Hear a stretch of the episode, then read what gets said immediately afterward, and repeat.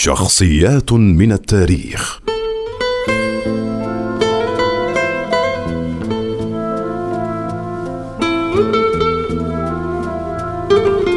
جبران خليل جبران.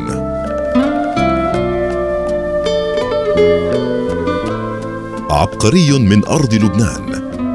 نشأ في ظلال الأرز اللبناني وانطلق إلى العالم محملا بروحانية أرضه وأوجاع أهلها. فحمله إبداعه إلى عرش مجد لم يرتقه سوى قلائل من العباقرة.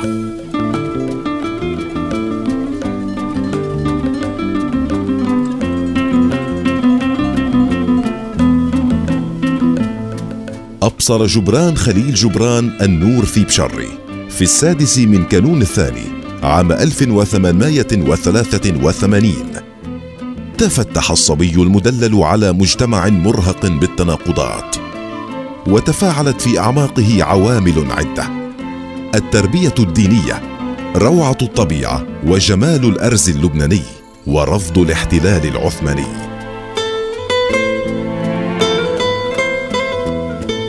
سجن والده وهو في الثامنة من عمره وصودر منزل الأسرة العريق وأملاكها.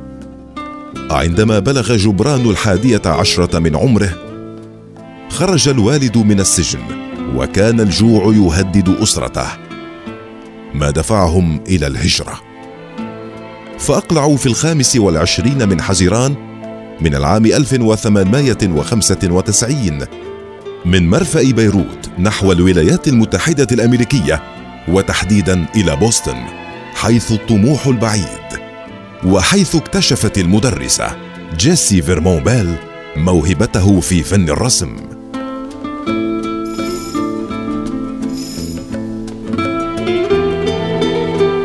تعرف جبران من خلالها إلى فريد هولندي فتولى الأخير التعريف به في أمريكا. عاد إلى لبنان حيث تعرف بنخبة كانوا رواد التجديد في الشعر والرسم والنحت والسياسة. كبشار الخوري والأخطل الصغير ويوسف لحويك إذ جمعتهم مدرسة الحكمة. بلغه خبر وفاة أخته سلطانة فعاد إلى بوسطن في أوائل نيسان من العام 1902 وما لبث أن فقد أخاه وأمه بعدها. تعرف جبران بماري هاسكل عام 1904 فتعهدت إنماء فنه ومواهبه. فقد اكتشفت فيه فنانا كبيرا. فدفعته في اتجاه باريس عاصمة الإبداع. وحفزته على الكتابة باللغة الإنجليزية.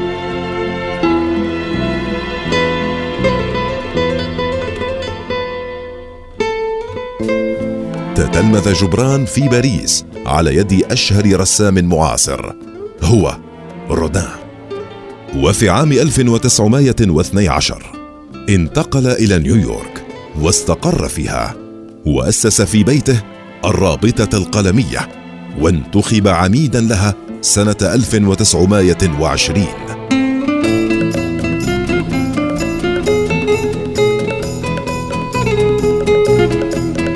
انصرف إلى التأليف باللغة الإنجليزية بنجاح فريد وأصدر عددا من الكتب.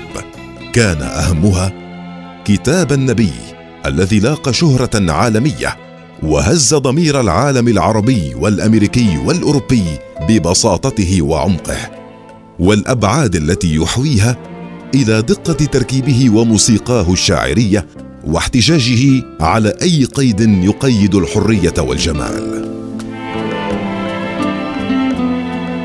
نشر النبي فأصبح يدرس في الجامعات الأمريكية والعالمية ويتصدر المكتبات العالمية بلغاته المتعددة. فقد ترجم إلى الألمانية والفرنسية بعد صدوره بسنتين. ويعتبر النبي الكتاب الرابع انتشارا في العالم.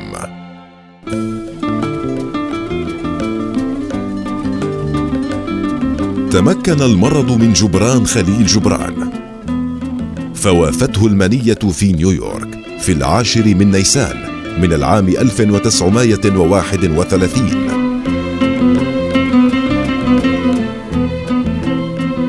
على الرغم من كثرة المصائب التي حلت به واعتلال صحته وقصر حياته ترك جبران خليل جبران ستة عشر كتابا عربيا وإنجليزيا وآلافا من الرسوم التي نشر بعضها في كتبه.